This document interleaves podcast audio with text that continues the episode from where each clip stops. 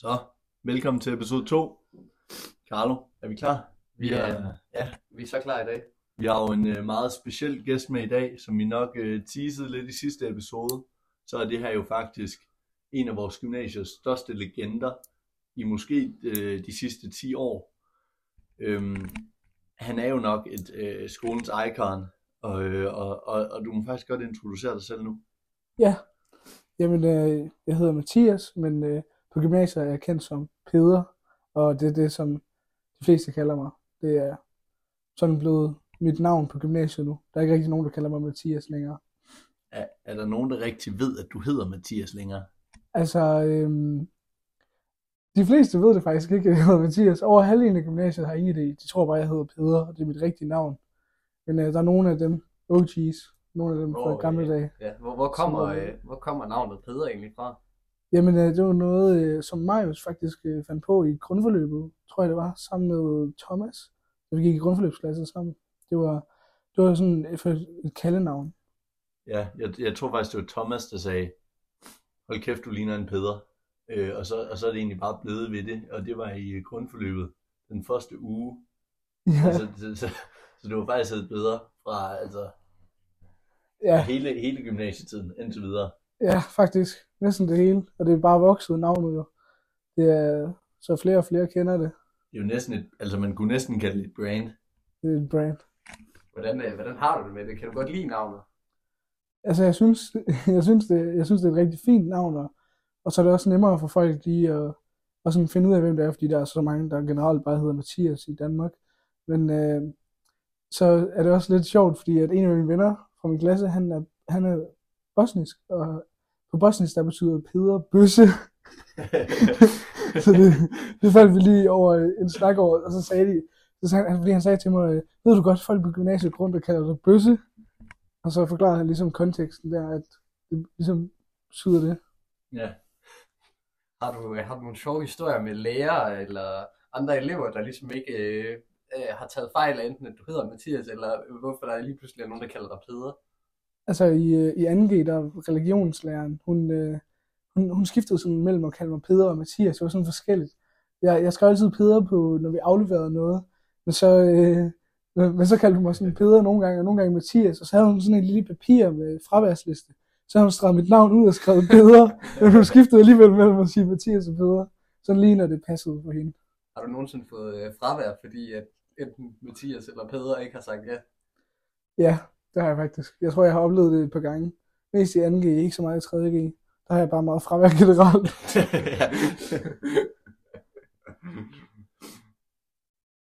Men altså, hvad, fungerer det for dig at blive kaldt Peder? det, jeg synes, det fungerer okay. Det, det, det brander også meget, især når, når nu jeg er med i festivalet der. Så, ja. så er jeg nok den mest kendte. Der er stadig nogen i festivalet, som sådan kender andre mindre, men alle kender mig. Jeg, jeg kender ikke dem lige så godt. Nu, nogle gange så ved jeg ikke engang, hvem folk er. Så hører jeg bare råbe Peder på gangen, eller de vil give mig hånden eller noget. Så jeg, jeg aner ikke, hvem du er. Jeg har aldrig mødt dig eller snakket med dig. Men du ved, hvem jeg er. Ja, jeg gik jo også med dig her den anden dag, vi var på vej op i kantinen. Øhm, og så, så er der bare, jeg tror bare de 20 meter, vi skal gå hen til kantinen øhm, fra trappen, der, der formår han at sige hej til 15 mennesker. Altså det var hver person, vi gik forbi. Siger, hej Peder, og så siger Peder, "Nå, hej, og, og altså, jeg tror ikke, du kendte halvdelen, men, eller navnet på halvdelen af dem. Ja, det er nok cirka det omkring jo. Jeg, jeg ved det ikke, de, de kender mig, og jeg, jeg kender dem en lille smule. En lille smule. Hvor, hvor stor en procentdel af gymnasiet tror du, der kender dig? Og jeg vil nok sige, 3G, det er nok omkring 90 procent, der kender mig der. Og for 2G er vi der omkring de 50-70. Det er måske et stort estimate, men øh, ja, også for første G er det de er ikke så meget. Ja. Det er mest dem, der er med i festivalet og deres klasser omkring dem. Så de har ikke fået helt så meget Peder i livet øh, Nej. endnu. Skal de have det? Det tænker jeg, det skal. Men øh, Peder, du har jo taget noget med til os i dag. Ja, det har jeg Dagens nemlig. anledning. Jeg har taget en lille ting med at drikke. Det er øh, en Tuborg julebryg. Vil, vil du forklare lidt om, hvorfor at det er passende, at du så den her med? Jeg tænkte, at, øh, at i dag så øh, skulle jeg på den her fine podcast, og så skulle jeg have noget med at drikke, og så tænkte jeg, det er jo december, og jeg kan godt lide øl. Øhm, og så, hvorfor ikke bedre end at tage en juleøl, nu når det er dec- december? det er jo også øh, ah, den 11. i dag, ikke den 12. Vi er næsten halvvejs til juleaften i dag. Ja, og ved du hvad? Den kommer jo ud på den 12. den her podcast. Så jeg tænker, Jamen så, jeg tænker, det går. Vi siger, vi siger, at det er fordi, vi er halvvejs til jul nu. Det er fordi, vi er halvvejs til jul. Jamen, øh, skal vi få dem åbnet så? Jamen, øh, skal vi lige få en? Sender vi rundt her. Mange tak. Jamen, øh, Så er det bare om at få åbnet dem. det er jo så gæstens drik, og det tænker vi, det er noget, vi kører videre med, også med de næste par gæster, med at de også skal tage noget at drikke med, og så forklare lidt om, hvorfor, Skål det, på det. hvorfor det betyder så meget for dem. Nå, skål. Skål. Og så lad være med at slurpe alt for meget ind i mikrofonen. Ja, det skal må jeg vi nok. se.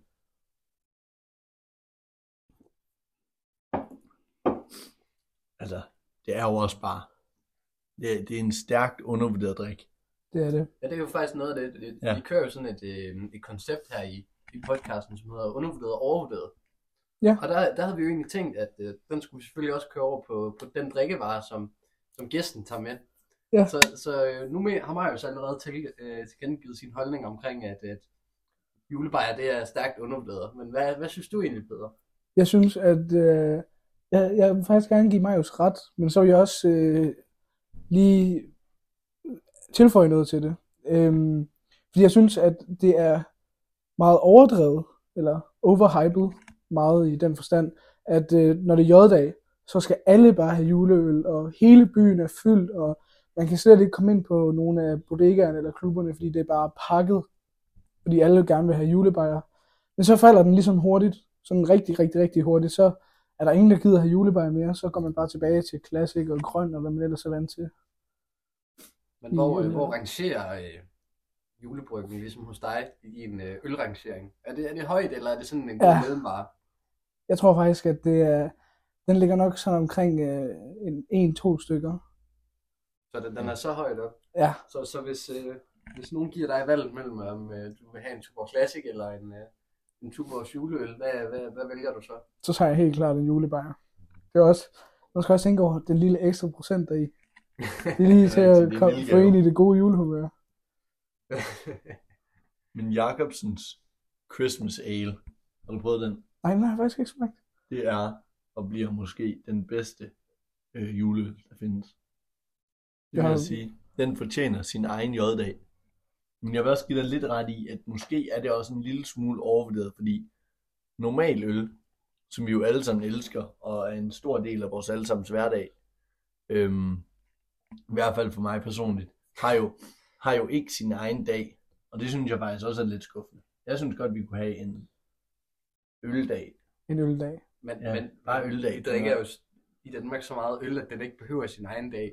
Og Jeg vil jo påstå, at J-dag, den er blevet opfundet for, at folk har en, en grund til at gå i byen.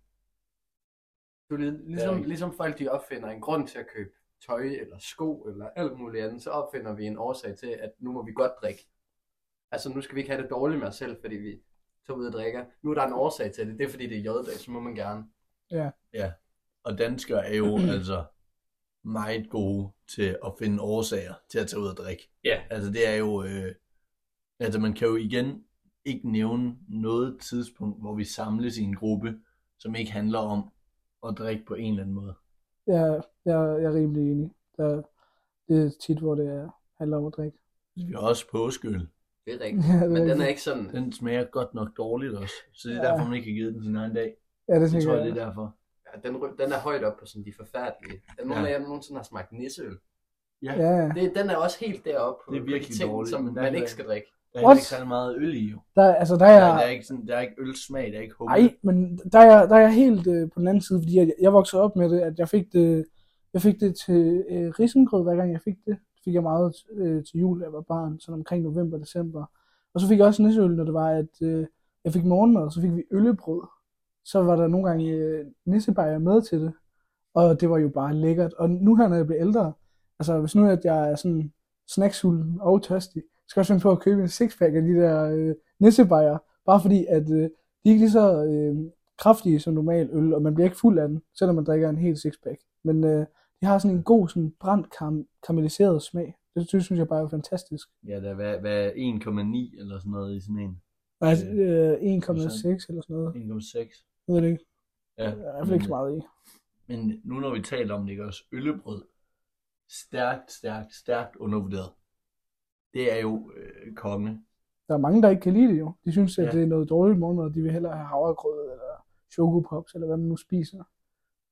Så kan jeg jo sige, jeg, jeg er på den vogn, hvor jeg siger, at, at øllebrød, det er ikke lige mig. Jeg vil hellere have havregryn eller, eller chokopops. Ja. Øh, Jeg har en teori om, at folk, der ikke kan lide øllebrød, det er fordi, de aldrig selv har lavet det, og ikke sådan har lavet det rigtigt.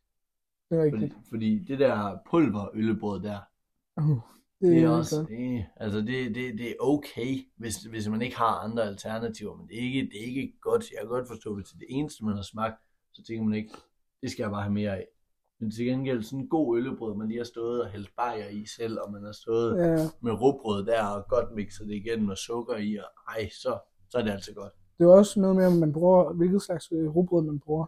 Ja. Min farmor, hun bruger sådan noget gul noget til at lave det. Men der er nogen, der bruger noget det, der skovhakker rugbrød der. Noget rigtig tørre og stærke i smagen og sådan noget, så bliver det bare en kedelig øllebrød. Tør, altså tørt råbrød generelt, det synes jeg, der er for meget af. ja, det er faktisk rigtigt. Tør råbrød kan godt være... Øh, det værste, det er, hvis jeg smager sådan noget øh, råbrød uden kerner. Ja. Det, det er simpelthen noget af det tørreste, der findes. Øh, en af mine brødre, han, han kan ikke lide kerner i rugbrød, så når hans rugbrød, det er, det er rugbrød uden kerner, det er simpelthen noget af det tørreste, jeg nogensinde har, har smagt. Jamen, det er forfærdeligt. Altså, jeg, det bedste råbrød, der findes, det er noget, der hedder kols. Øh, kols, og så er det fuldkerne. Og det tror jeg faktisk, jeg har, jeg har set. Det er næsten som om, man spiser bare kernerne, og så er det sådan, det er rundt om, det er sådan lækkert, sådan klæbrigt på en eller anden måde. Det så sådan, det giver sådan lidt fugt sammen med det her, og holder nærmest det hele bare sammen. Det er simpelthen så godt. Det er sådan, jeg har det med det der solsikke. Har I smagt det, det gule der? Ja, det gule Der er også, også. der er også kerner i det, der hedder Ja. solsikkebrød. Jeg tror, det er fra Kobær, men jeg er ikke helt sikker. Ja. Men det smager pissegodt, og jeg elsker det. Jeg kan normalt ikke så godt lide fisk, og i hvert, i hvert fald ikke makrel. Men når det er det der brød der, så elsker jeg bare makrel. Salat. Så skal jeg lige pointere, kun makrel salat. Altså den, hvor det er mayonnaise med makrel på. når det bare er makrel på dåse, så det er Ja. ikke lige mig. Peder, hvad er din, hvad er din livret, Peder? Ja, det, øh, åh, det er sgu svært. Jeg er jo glad for mad. Rigtig glad for mad. Men øh, jeg kan godt lide, øh, jeg kan sgu godt lide lasagne. Jeg tror, så, jeg tror det er, den må, den må tage den. Så mellem lasagne eller pizza. Fordi at, øh, når min far han laver lasagne, så laver han sådan en fantastisk en med chili, og der er noget bacon i, og den er spicy cayennepeber, hvis I kender det. Ja. det og så øh, min papmor, hun laver sin egen hjemmebagt pizza, som er sådan en deep pan, og det smager også bare fantastisk. Det er en af de to. Ligger lige der. Hjemmelavet er godt. Hvordan har du det med vegetar lasagne? Jeg synes, det er forfærdeligt. Fordi hver gang, at jeg ser nogen lave det, jeg har prøvet at spise det sådan 5-6 gange. Hver gang er det med auberginer i stedet for. Fordi at, eller, jeg tror faktisk, det var veganer lasagne. Men det er fordi, der var et eller andet øh, halløj i lasagneplader eller sådan noget. Så i stedet for var der auberginer i. Enten, enten i stedet for pladerne, eller også var det i stedet for kød, men det er bare, hvad skal ikke putte auberginer i? Altså sådan nogle store skiver, men bare har slicet en aubergine i. Altså små stykker, hvor det er revet eller noget. Det kan man godt putte i en normal lasagne. Men hvor det, hvor det erstatter kød med sådan nogle tykke skiver. Nej, det, det spiller ikke Superliga. Ej, Det, det er ikke noget for mig. Peder, nu når vi har dig med i podcasten, så er der egentlig en, en historie øh, helt tilbage fra grundforløbet, som jeg, jeg godt kunne tænke mig at høre øh, lidt mere om. Fordi øh, da vi startede 1G, der var du jo ny her i byen. Så du havde lidt svært ved at finde rundt. Så jeg, rigtigt. jeg har hørt en historie om, at, at du ikke øh, at du brugte lang tid på at finde hjem fra gymnasiets første skoledag. Ja, ja, det er rigtigt. Øhm, den første dag, der blev jeg faktisk øh, kørt i skole af min far, for jeg vidste ikke lige, hvor det lå henne. Fordi at, øh, jeg, jeg flyttede jo hertil i sommerferien. Jeg skulle ikke have gået på Slagelse Gymnasie, men øh, der var nogle problemer med en ekskæreste og noget, så øh, jeg skrev til Fredericia Gymnasium i sommerferien, om jeg kunne blive flyttet derhen, og øh, det kunne jeg. Så jeg flyttede lige, lige pludselig, midt i det hele. Så kom jeg til Fredericia, og jeg havde jo ikke været her særlig meget. Jeg kun besøgte min far i weekenderne, og så startede jeg på gymnasiet, og jeg havde ikke så mange venner den første dag, fordi at øh, alle de snakkede jo, øh, "Ej, men, øh, vi kommer fra realskolen og haveplads og alt muligt, og jeg anede ikke, hvad det var. Jeg havde ingen idé om, hvad folk snakkede om. Og så kom jeg bare der, så skulle jeg så hjem, Og jeg har jo ikke mere end 400-500 meter hjem fra gymnasiet. Men jeg tror, jeg gik som 2-3 kilometer hjem den dag. Bare for at finde ud af, hvor fanden jeg boede henne. og det endte med, at jeg blev nødt til at ringe til min far og spørge, hvad adressen var. Så jeg kunne sætte det ind i Google Maps. Fordi jeg var gået helt den anden ende. Hvordan var det sådan i starten at starte på et nyt sted i en, i en ny by? Det var, det var sgu scary. Det var, det var skræmmende. Det var, jeg har aldrig nogensinde prøvet det, fordi at jeg har altid, øh, jeg har altid boet det samme sted. Jeg har altid været vant til at, at, at være det samme sted. Og så flyttede, eller hvad hedder det, mine forældre blev skilt, og så flyttede min far. Og så boede jeg jo det samme sted sammen med min mor, hvor vi så bare flyttede over i en lejlighed. Men jeg gik det samme sted skole, og jeg havde de samme ting at lave og sådan noget. Og så var jeg så ikke sammen med kæresten her længere, og så flyttede jeg herover. Og så var der, alting var bare nyt. Menneskerne snakkede anderledes. Folk kunne godt mærke til i starten, at jeg var ikke, jeg var ikke lige så jysk i det som de andre. Jeg havde det der lidt sjællandske stadig lige gemt i mig. Jeg begyndte at, det jyske er begyndt at smitte meget af på mig, og de kan ikke høre, at jeg er fra Sjælland nu. Men i starten der, det var rigtig skræmmende. Alting var nyt.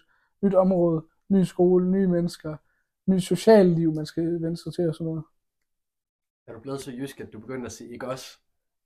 Øh, altså, øh, altså i, i går, Ikke, også? også? ikke også? Ikke også? Er det jysk? Ja, ikke også? Det er da sådan noget sjældent at sige. Nej, nej, det er ikke. Det er ikke. Jeg, har da, nå, jeg plejede at sige ikke også, eller jeg, jeg plejede at sige Ikke ikke også, eller ikke også, sagde jeg faktisk. Jeg sagde ikke, Ikke også. også. Det, det lyder Eller sådan- meget sådan fint ikke også? Det er rytteriet. Ja, men jeg synes bare, jeg har altid vokset op med, at i hvert fald i kursører der, der, der sagde vi ikke også, men her der siger man bare ikke også. Ja. Ikke også. Det er bare nemmere. Ikke også. Så siger vi bare ikke også. Så, ja, det var også noget nyt med sproget der. Ja. Hvis du, øh, hvis du skulle vurdere din grundforløbsklasse, som du så kom ind i, det skal jo lige nævnes, at øh, både mig, Peder og Carlos, vi har gået i samme grundforløbsklasse. Øh, og, og, og Peder, hvad, hvad synes du om den klasse? Jeg synes, øh, det var fantastisk. Og øh, jeg synes, at alle havde det rigtig godt sammen. Jeg synes, at øh, jeg, jeg er sgu lidt ked af, at, der, at vi skulle skille sig lige, da det var, det skete. Det var, jeg synes, vi var ved at få bygget sådan et tæt sammenhold sammen alle sammen. Og så var det også bare fede, hvad hedder, festerne var fede, og, og der var bare gang i den. Og jeg var så glad for, at jeg nåede at holde øh, forfest for klassen til Samo, øh, gymnasiefest der inden jeg kom med i udvalget, fordi nu er jeg jo med, og så holder jeg det på skolen sammen med de andre der. Så øh, jeg når ikke at holde det med klassen længere, men så den eneste, jeg har holdt med klassen, det var sammen med jer, og det var den fedeste fest. Det var vildt. Er der nogle øh, sådan øjeblikke eller momenter fra grundforløbet, som du mener er så ikoniske, at de ligesom skal have, blive nævnt her i podcast? Altså, øh, vi havde jo en øh, kemilærer, tror jeg det var, som også var, hun var sådan lidt sær omkring mig, og hun kaldte mig også sådan Peder nogle gange. Det, det fik jeg faktisk ikke nævnt før. Hun sagde også Peder en gang imellem, og, og der var nogle akavede øh, moments, øh, som jeg ikke ved, om I har noget planer om at fortælle om senere. Det, det kan sagtens være, at... Øh, Ja, men nu må du fortælle. Men- øh, ja, men, altså, øh, Altså med hende der Camilla'en der, der, der var en dag, hvor der var fredagscafé i grundforløbet. Og så, og så, øh, så var jeg jo, jeg var, jeg var simpelthen pjekket for timen for at tage til fredagscafé. Og så var jeg dernede fredagscafé, og så kedede jeg mig, fordi at I alle sammen, I var jo op til time. Så jeg besluttede mig for at gå op til time, mens jeg var lidt småfuld, og jeg havde nogle bajer i hånden og sådan noget.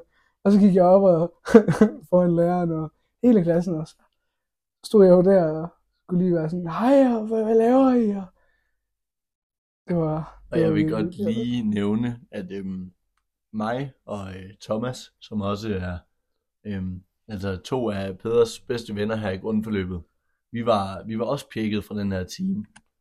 Men, øhm, men, men Peder han bliver så relativt fuld, øh, og han keder sig altså overhovedet ikke, men, øhm, Nå, jeg kan ikke huske det. men, men tænker bare, nu går jeg altså lige op til timen.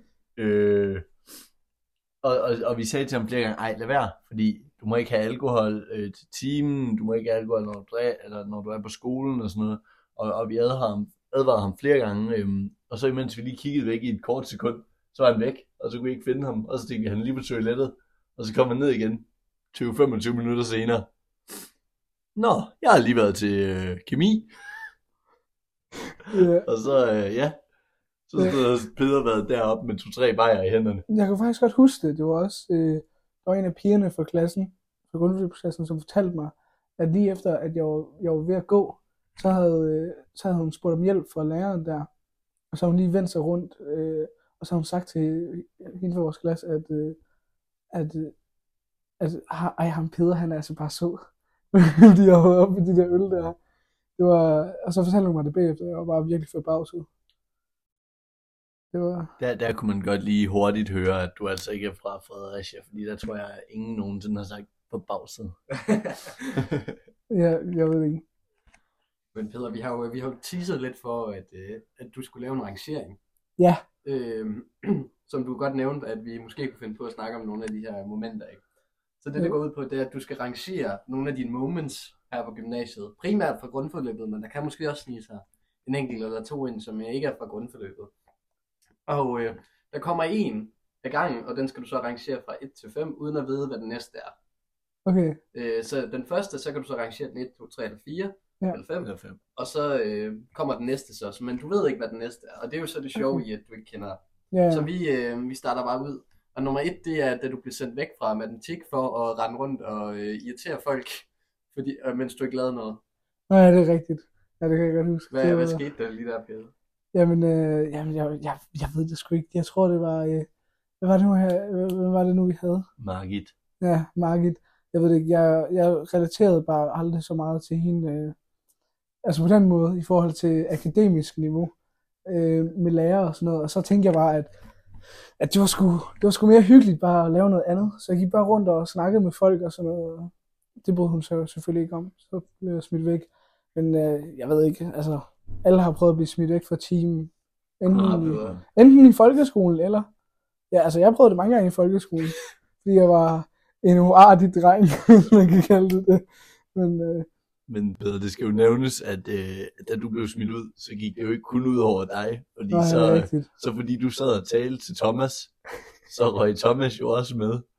Øh, og så kunne jeg jo ikke holde mit grin inde, så jeg kom til at grine af, at Thomas også blev smidt ud. Og så røg jeg også med. Ja, vi var, vi var, folk, vi var de tre, vi var tre banditter der. Det var de tre musketerer, Ja, øh, der, ja. der lige røg i svinget der. Men, øh, men Peter, hvor rangerer du den? Ja, jeg, jeg ved det ikke. Altså nu, jeg synes det var så hyggeligt at blive smidt ud sammen med andre, i stedet for det bare var alene.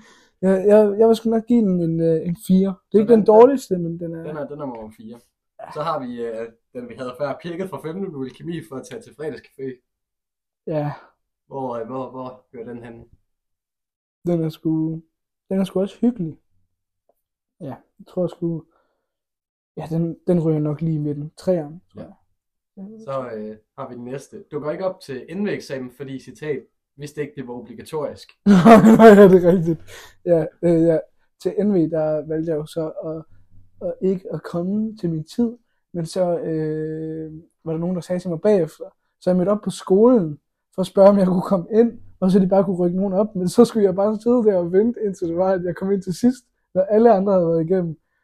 Og det var bare, jeg kunne bare mærke lærerne, de var, de var sgu ikke så glade for mig der. Øhm, det var, det var sgu ikke så god.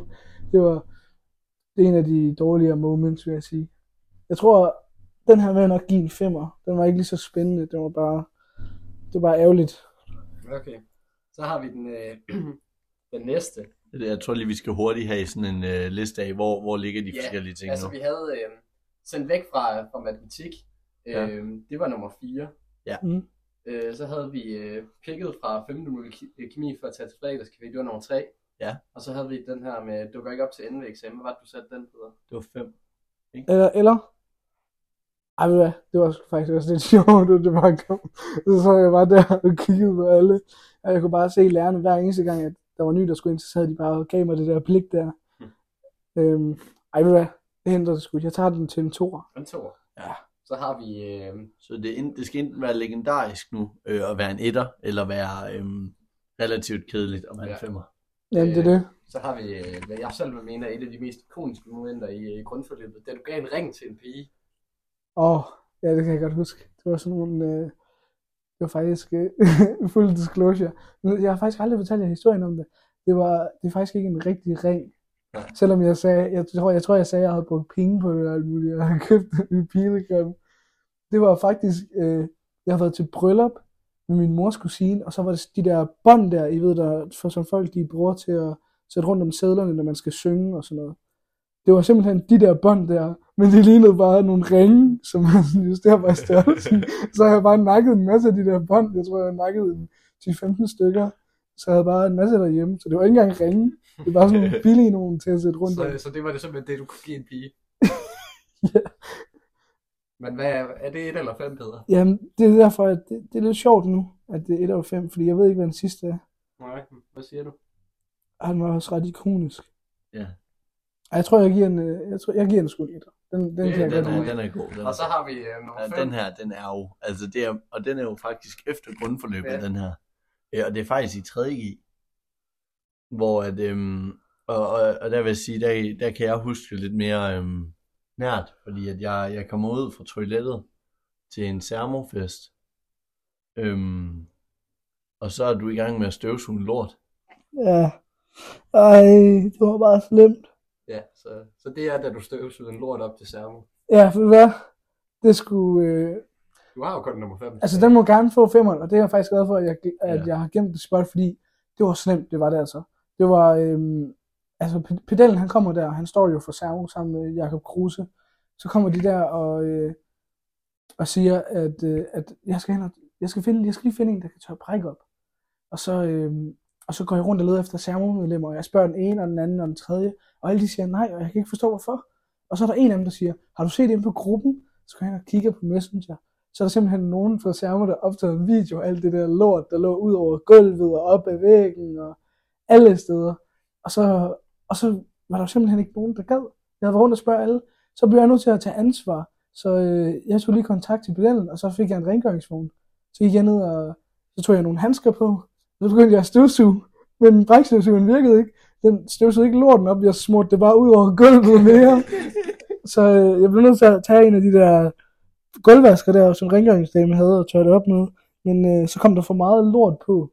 Så den stoppede med at vaske. Den smurte bare lort ud igen. Sådan, der var mere tyndt på grund af vandet. Så jeg blev nødt til at stå og pille den af med alt lortet tæt på mit ansigt. Og så bare øh, smide den ud og så sætte en ny en på. Og mens jeg stod her og tørte alt det her lort op, så stank det bare af festivaltoilet på hele floor. Og vi gik fra 300 mennesker til Sermo, bare sådan til, der stod 25 mennesker ude på dansegulvet. Altså der var ingen tilbage. Og der var fuldstændig presset i garderoben. Det var, det var vanvittigt. Vi har aldrig haft det. Og vi var også nervøse, fordi vi troede, at nu vil førstegærende bare tænke, fordi i første sermo, der er nogen, der skider på gulvet. Så der var nogen, der skider på gulvet hver gymnasiefest. Ja, det var, ja, det var, det var kaotisk. Øhm, Ja. Og det var faktisk en af de få sermofester, jeg har været med til. Øhm, og så, som, så jeg ved ikke, om det også er det image, jeg lidt har. Ej. Nej, men næste gang, så er det kunstnersermo. Kan du love mig, at det, der, er, altså, der er puré-frit? Men du var der ikke den her gang, var du? Nej, det var jeg ikke. Den her gang var det jo kostyme med rave-tema. Var det, synes du, det var en succes, Peter? Ja, det vil jeg sige. Rigtig mange var rigtig, rigtig, rigtig glade for det. Øhm, der var stadig nogen, der hatede på temaet og sagde, kan I finde noget andet? Men, men det er også lige det der med at finde balancen. Fordi hver gang, at vi tager nogle valg, så er der nogen, der vil være glade for det, og nogen, der er sådan lige midt imellem. Jeg kommer stadig, fordi mine venner er der måske, men jeg kan ikke lide det. Og så er der nogen, der bare siger, det der, det kan jeg bare slet ikke lide, mig ikke op på nogen som helst måde. Men der er også, der er også en ting, øh, du må love mig til næste sermo. Ja. Det er, at jeres ølanlæg, det virker. Ja, fordi det havde vi sgu, øh, det havde vi sgu lidt problemer med. Der, øh, der sidste gang, der var, der var simpelthen, øh, der var simpelthen øh, et ølanlæg, der var gået i stykker, og fordi at øh, vi havde, vi havde lånt et fra et andet sted, fordi at der var mange, der var bygget ud på grund af julefrugt og sådan noget. Så vi var ikke vant til det. Og så øh, virkede det ikke, det vi havde fået. Det var sgu lidt ærgerligt. Så vi begyndte at sælge flaskebajer noget tid, og det gik heller ikke så godt. Det gjorde det bare ikke.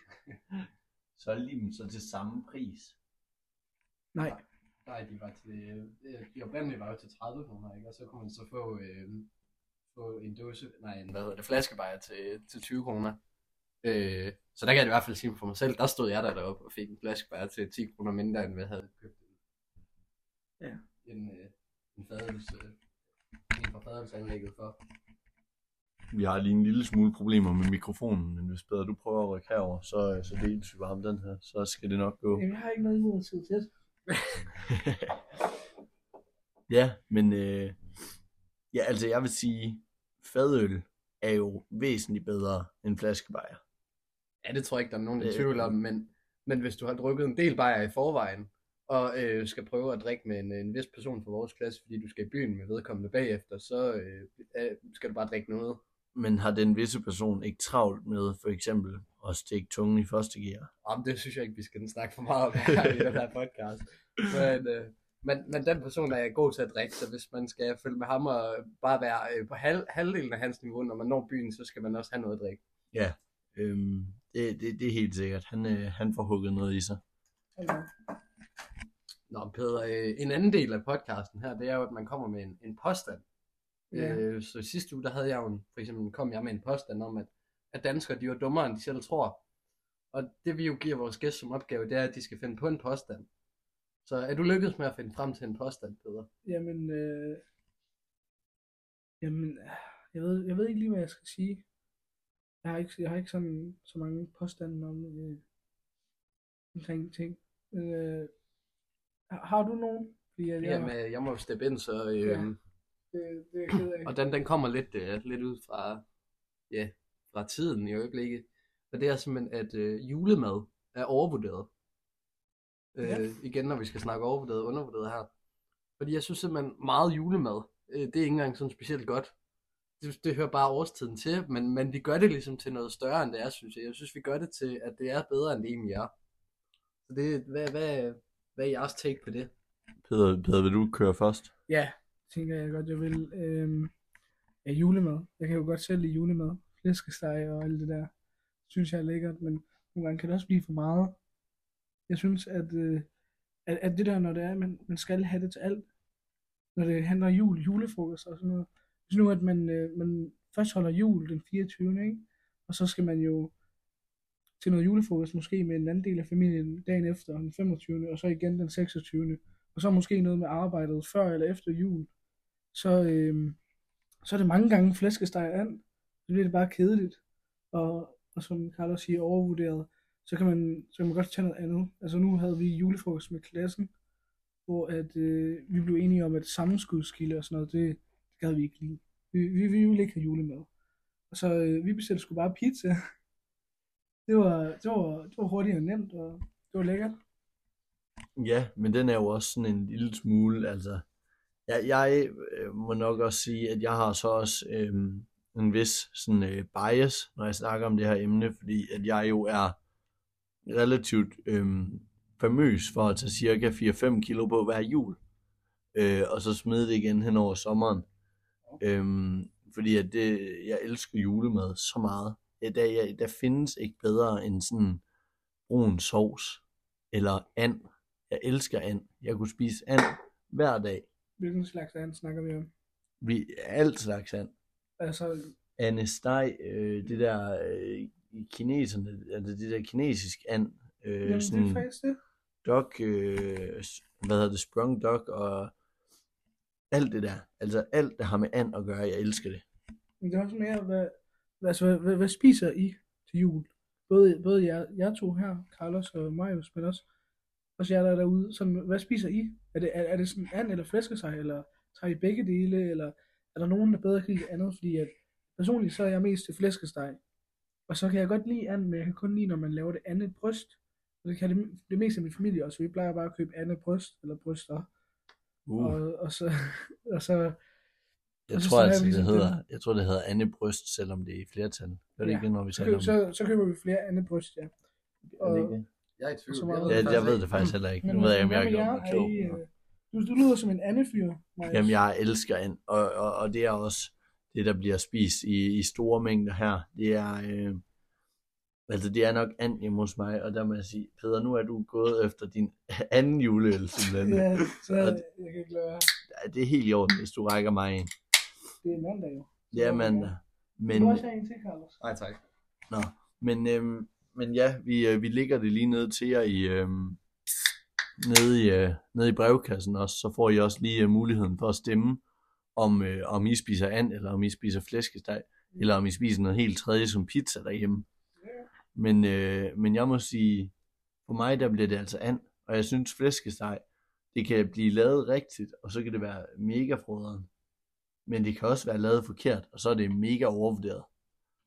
Men jeg vil sige, størstedelen af tiden, der er julemad, og der taler vi mad, vi taler ikke julekager, fordi julekager har jeg også talt lidt om i sidste program, det synes jeg er stærkt overvurderet.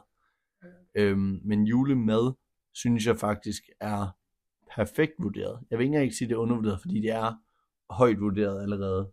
Men jeg føler, at det har fortjent den høje vurdering. Så vi har øh, lidt forskellige vurderinger på, øh, på julemaden her i, øh, bare her i selskabet. Øh, og jeg må også sige, jeg er jo også på, jeg er på flæskesteg. Jeg er ikke så meget til and. Så, Okay. så det er jo bedre mig at blive på flæskesteg og Marius på and, ikke? Ja, Øh, er- Men der er ingen, ingen af os på, på kalkun. Jamen, kalkun, det er... Okay. Og nu, nu kommer der nogle meget dybe holdninger her. Kalkun er så stærkt overvurderet, som noget kan være. Og jeg havde slet ikke fundet mig i det, hvis jeg var født i Amerika, og skulle spise det bare en gang om året. Fordi det er 9 ud af 10 gange stjernetørt. Altså, Så øh, ingen Thanksgiving special næste år. ingen overhovedet Thanksgiving special. Altså, Thanksgiving er mega overvurderet. Altså, jeg, jeg har aldrig nogensinde smagt kalkun før, tror jeg. Måske én gang, men så har jeg ikke vidst det, så jeg bare troede, det var kylling. Jeg har aldrig nogensinde smagt det. Tror man, hvis, altså, så tror man, det er kyllingkort, og så får du bare sådan en tørke, der går ud igennem hele munden. Jamen, jeg, altså, I I kender også godt det der med, når tit når man laver kyllingebryst, så er det enten med sådan, hvor det er rigtig tørt. Ligesom at putte sand ind i munden. Og så er der nogle gange, hvor det er bare sådan en juicy kyllingebryst, og så tænker man bare, shit, det er lækkert det her. Men øhm, med kalkun, det har jeg sgu ikke prøvet. Det kan være det det samme. Ja, jeg vil sige, når jeg spiser kylling, så er det fra hopballe. Sådan, øh, det er sådan en hopballekylling. Hopballekylling. Hopballekylling. Og det kan jeg lige skal afsløre. Jamen, det er så froderen. Og det er fordi, det er, de har ikke tilføjet det der vand. De har ikke skudt sådan noget vand ind i den. Tror jeg ikke i hvert fald. Jeg, nu skal jeg igen ikke gøre mig ekspert. Men, men jeg mener ikke, de har skudt noget vand ind. Og det er ligesom det, der så gør, at okay, det, det er ligesom det sådan, alt er kylling, og det er ikke sådan, at vand det bare øh, fordamper, og så er det bare, så tør den sådan ud. Men det er bare sådan lækkert. Og, og, og skinnet bliver altid dejligt sprødt, og så øh, skud ud hopballekylling, fordi det er godt nok godt. Nu, øh, nu har vi så hørt om Marius' øh, store øh, kærlighed til, til kylling, og hans store had til øh, kalkun. Ja. Øhm, men så er jo igen, Peder, du er jo gæst i, øh, i det her program. Øhm, så vi vil faktisk gerne høre, om der er nogle emner, eller øh, altså nogle aktuelle emner, eller om der er nogle tidligere ting, som du øh, synes kunne være vigtige. Øhm, så, så det kan vi lige tage hurtigt her, om der er noget, du synes, vi skal have med her i podcasten, Peder. Jamen, øh, altså, nu ved jeg ikke lige, hvad jeg snakkede om sidste gang, for jeg har faktisk ikke lige nået at høre øh, første episode der, men øh, Du har haft en uge til det, kan man sige, ikke? ja, ja, jeg har jo også haft øh, travlt med arbejde. Jeg arbejder jo meget, og det er der mange, som, altså det er der mange andre, som også gør, men, men de er ikke lige så sådan stolte af deres arbejde, som jeg er. Mange har jo et fritidsarbejde, hvor de ligesom ja, laver noget for at tjene nogle penge, men ja, igen, de snakker ikke om det, og, og folk ved det ikke rigtigt, men jeg er meget stolt af mit arbejde, og jeg kan godt lide det sted, jeg arbejder, og alle på gymnasiet, som kender mig rigtig godt, som ikke bare siger, hej Peder, når de møder mig på gang, som det eneste, de, de ved også godt, at jeg arbejder i Det, det, det har jeg snakket meget om, og, og det, det er måske en af de, de spændende ting ved mig, og så, og så også, øh, at jeg er med i festudvalget jo, som øh, Ja. jeg er en stor del af, i at tage beslutninger derinde og sådan noget. Også selvom, at der er nogen fra festivalet, der måske vil mene, at jeg spiller en mindre rolle i det, så, så synes jeg da, at jeg, jeg spiller en ret stor rolle selv i hvert fald. Og Ja. ja. Men øh, Peder, nu, nu, nu nævner du ligesom Netto, ikke også? Og så vil jeg egentlig bare høre, hvad er det vigtigste?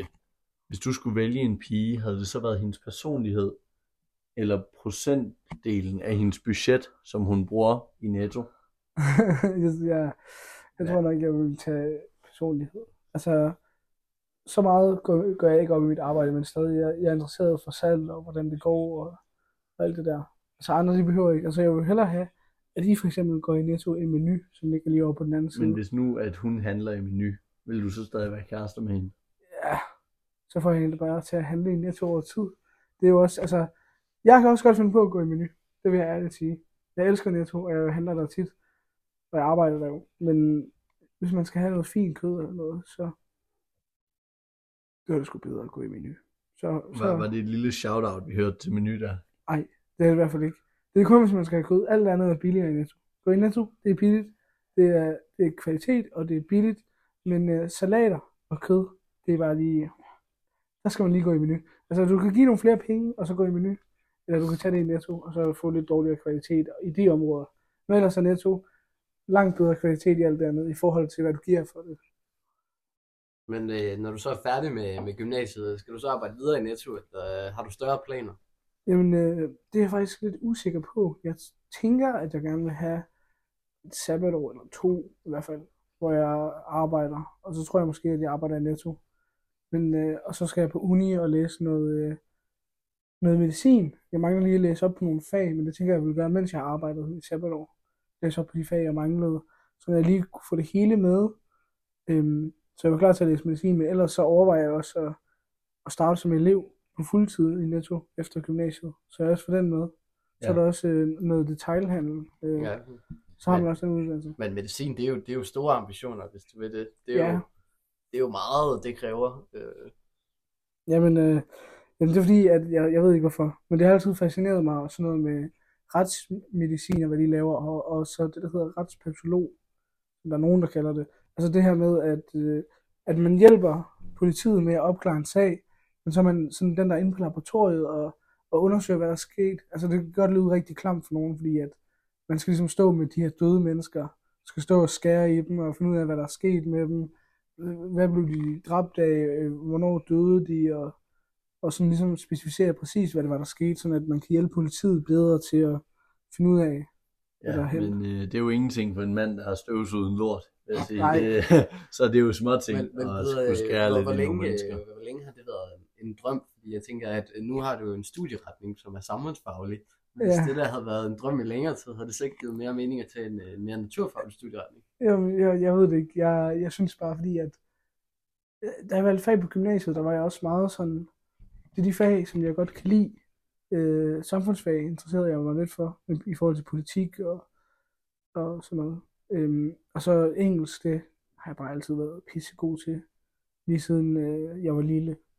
Jeg fik øh, 12 i, i folkeskolen i engelsk og sådan noget. Også til den sidste eksamen der. Så jeg tænkte, det var obvious for mig, at jeg skulle bare vælge engelsk og det der, men så kan jeg, godt se, så, så kan jeg så godt se nu, at nu mangler jeg lige noget mere. Øhm, og nogle fag, som jeg kunne have taget i stedet for. Ja, det er altså, men igen, det er jo en, øh, altså, det er, er det ikke lidt en slaggerlinje? Ja, det, der er nogen, der vil sige det. Altså, international slækker, hvad man kalder det, men altså, der er nogen, som tager linjen med seriøse intentioner om at blive noget øh, med den retning, altså læse statskundskab på universitetet for eksempel, eller andet, hvis nu de gerne vil blive samfundsfagslærer, eller engelsklærer, eller noget med noget diplomati, eller blive politiker, eller noget i den stil. Det er Ja. nogen, der har ambitioner om. Men, men nu, nu kommer vi fra en anden klasse med samfundsfag og matematik, så bliver vi jo nødt til at høre, er der lidt om snakken, når, når I bliver kaldt på slækkerlinjen? Øh, måske. Det er, mere, det, er, nok mere det der med, at man ikke lige gider matematik af. Fordi jeres linje, det er jo, det er jo den, som, hvis man gerne vil have samfundsfag, man interesserer sig for politik, og så vil man også gerne have matematik med, fordi matematik igen låser op for mange muligheder. Det er også inde på øh, uddannelsesguiden der, hvis man går ind og kigger. Men, Ja. ja. øh, og, og så er det jo selvfølgelig også sværere. Ja, altså jeg vil sige, matematik er et væsentligt sværere fag end engelsk. Fordi når man sådan får det hang of it, så kan alle sådan der sagtens få engelsk. Altså, det er måske svært for nogen, men de fleste, der går i gymnasiet, kan snakke flydende engelsk allerede i 2G. Men jeg tror, du undervurderer sådan, at der er nogen, der er mere matematisk anlagt, og nogen, der er mere sproglig anlagt. Så du vil også finde mange på sådan matematiske øh, linjer, som jeg synes sprog er svært, fordi det er ikke sådan, de er anlagt. Men hvis man er mere sprogligt anlagt, så er det klart, at man ser det som nemt. Ja, det er nok rigtigt. Jeg, jeg tror også bare, at øh, det her med det slackerlinjen, det, det er bare fordi, at folk, de fleste ser det som nemme fag. Jeg tror, der er flere, der er sprogligt anlagt, end der er matematisk anlagt. Okay. Og det er derfor, det tager det. Men altså, nu kommer jeg selvfølgelig, nu har jeg jo selvfølgelig en vis bias i, at jeg kommer ind fra en samme Ja. yeah. matklasse. Men jeg synes, noget, der er særligt noget om, at jeres klasse, i, særligt jeres klasse, I slækker enormt meget, for eksempel at komme til tiden. Altså vores klasse kan også godt være slem til det, men nu har vi jo for eksempel latin sammen, som tit foregår om morgenen. At så 3, 4, 5 minutter senere end modulet starter, så kommer der fem J-klasser rendende ind. Der Ja. synes jeg, det er slemt. At det, det synes jeg, der er noget, noget slækker over. Møder I også det ofte, når I har så normale timer? Ja, altså, det skal ikke være nogen hemmelighed, at der er nogen i min klasse, som har meget fravær. Jeg har også en del fravær, men, øh, men, men det er fordi, jeg ikke var der i, noget, i nogle uger. Øhm, jeg var sgu syg og sådan noget. Men, øh, men altså, der er mange, som ikke kommer til morgenmoduler, de sover over, så de kommer lige for sent, eller så skriver de, jeg, jeg kommer om lidt, øh, min, sig lige til læreren, at jeg er på vej, og, og så videre, og så videre. Øhm, så ja, det er måske lidt slækker i forhold til fravær. Og skriftlig, det er halvdelen af klassen, de afleverer afleveringen en time, før den skal afleveres. Hver gang. Det Altså, gør det- jeg også. Jamen, det, det, synes jeg ikke er sådan, øh, at det, det, det er et tegn på Det- det- dogenskab. det er jo kun decideret slæk, hvis du så har sat dig lige inden, og så bare skulle skrive noget og sende det. Ja, det er det, det- jeg gør. Ja, det er slæk. Ja, det, ja, Jo, men det, altså, det kan jo godt, for nogen kan det jo godt virke. Men som udgangspunkt er det slæk, fordi langt de fleste, de kan ikke det der. men, men jeg synes egentlig ikke, at det er øhm, slacker, hvis, man, hvis jeg alligevel, alligevel havde tænkt mig at bruge øh, to timer på en aflevering, om det så er de sidste to timer af afleveringen, eller om det er to timer to uger før. Jeg synes egentlig, det er det samme. Jeg synes egentlig, at, at jeg venter, så har jeg fået alt det, jeg skal bruge fra skolen af. Jeg har fået al den læring, jeg skal bruge. De nævner os altid. Jeg synes virkelig, det er en dårlig, sådan, øh, noget dårligt, som de fleste lærere de kommer til at gøre, det er, at de lærer noget, som man kan bruge i afleveringen. Og det kan de gøre op til en dag før den aflevering, den skal afleveres. Og så misser øh, måske 5, 6, 7, 8 mennesker i klassen ud på noget, som de kunne have skrevet i den, fordi de allerede har afleveret et par dage før, fordi det lige passer med deres schema, men jeg synes bare, det er virkelig typisk gymnasielærer især, at så lærer man lige noget nyt, og så, når ja, det her det kunne også være super til jeres aflevering. Jamen, vores aflevering, det er i morgen, så de fleste har afleveret, men har jeg det? Det har jeg ikke. Jeg har nemlig ikke Men startet. jeg tror, det, det, det er vel fordi, du går ud fra den præmis om, at man kun bruger to timer på det. Altså det vil sige, ja. det, det gør jeg også tit. Øh, der har jeg så bare lavet den lidt før dig, men, men jeg tror sådan tankegangen er jo, at man lige skriver den, for eksempel bruger to timer på den, og så kigger man lige på den igen, ikke? Men der må jeg jo sige, der, der må jeg også lægge mig fladt ned og sige, okay, det kan måske godt være, at jeg skriver den et par dage før dig, men i mange afleveringer, så jo, jeg sætter, kigger dem igennem for at sætte komma og sådan noget, og for at se, om jeg har glemt ord eller noget, der ikke giver mening. Men jeg bruger ikke meget mere, end, altså jeg bruger ikke over, i hvert fald ikke over den elevtid, der er sat af til. Jeg har aldrig læst min egen opgave igen. Aldrig. Mm-hmm. Ikke Må- nogen korrekturlæsning. Nej, DHO tror jeg, jeg gjorde. Nej, der tror jeg faktisk, jeg fik min mor til det. Men med SRO. Nej, Altså jeg, jeg øh, jo, jo, jo, jo.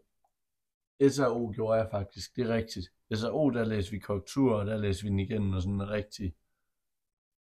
Nu siger du vi. Nej, var det kun, var, ja, det var, alene det var den? alene. Det var jo studieretningsopgave 2G. Øh, Det er rigtigt. Vi har lige haft den jeg ikke SP4, igen. det er SP4, du snakker om måske. måske. Øh, har vi lige haft. gruppeopgaven, vi lige har haft. Nej, den læste jeg heller ikke igen. Okay. Den, den, den læste, øhm, den læste Albert øh, og Aya igen, faktisk. Øhm, nej, den læste jeg heller ikke igen. Altså, Øh, hvad, hvad var det, jeg læste igennem så? Det var i hvert fald en vi-opgave, og det var noget med matematik og samfundsfag. Det var den der, vi lavede lige efter SAO. Vi havde SAO. SAO havde jeg med min... nej, det havde du ikke, fordi SAO, Den det var, SAO var jo den afslutning af opgave i 2G. Var jeg der der? Ja, ja, altså, Du kom vel i januar? Ja, der kom jeg i-. Ja, jeg kom lige Januar. efter. Ja, januar. Januar. Ja, du har skiftet klasse meget. Ej, kun én gang. Altså, To gange har du Nej, grund, gang. der var Jeg grundforløbet, skiftet fra grundforløbet selvfølgelig, men det, det kunne jeg jo ligesom, det er jo ikke min skyld. og så fra biotech til, til samfundsøkonomisk. Gik du ikke i en anden klasse før biotek? Nej, det var Thomas. Det var Thomas. Ej, han gik vel ikke i den, han havde bare valgt. Ja, han var, han var, han var på listen. Ja, Så- så nåede han skift, ikke? Jo, nemlig. Men hvad var det overhovedet? Var det... Det var øh, den 60-sproglige. Er han gået derhen? Det var, det var indklassen, ja. Det var da også et stort skift, han så... øh, Jamen, det, det tror jeg, det var fordi, vi lige sad og havde en man-to-man talk, og sagde, prøv Det er ikke dig. Så han, fair nok, enig. Så skiftede han sgu til biotek. Så du har lidt Thomas i fordav. Jeg har, jeg har totalt, øh, altså, jeg, at manden, han har accepteret mig igen, er, er, er dybt chokerende i forhold til, at jeg fik ham til at vælge biotek. Skud Thomas. Har du bestået ham med bajer? Ja, jeg har, øh, jeg har givet øh, min andel af bajer, i hvert fald. Jeg Ja. synes, men det, han har også givet hans andel af bajer. Jeg synes, vi er gode til at give rigeligt øh, til hinanden. Så, øh, så, så vi hygger os i hvert fald godt med, øh, godt med øl, synes jeg. Men, men jeg vil sige, det er ligeligt. Ja, okay. Så, så det er, det er shout-out Thomas for at være Shout out accepterende. Thomas. Vi er, ja, meget accepterende. Jeg elsker Thomas. Men Ja. øhm, Peter, nu sidder du jo øhm, og er i gang med at hugge din tredje Julebryg. ned. Ja, det, det gør jeg. Jeg har sgu nakket øh, lige det sidste her. Det er jo relativt konsekvent, vil jeg sige. Hvis, altså, hvis vi fortsætter med den her pace her, så kan du nå, sådan hvis man siger en 4-5 timers fest, der kan du nå at hakke en del øl ned, siden du har nået tre nu på tre kvarter. Jamen, det, det kan man jo sagtens. Det er mandag, Det- så det må man mandag. gerne. Det er mandag, det er rigtigt. Det er forlænget weekend. Øh, eller, vi skal sove længe i morgen. Vi har, øh, vi har simpelthen de der SP4 fremlæggelser om, øh, om den kolde krig. Og vi skal op sent i morgen. Og jeg tror, jeg har fået min franske lærer til at skrive mig, øh, eller jeg har sagt til hende, at jeg havde SP4 i morgen.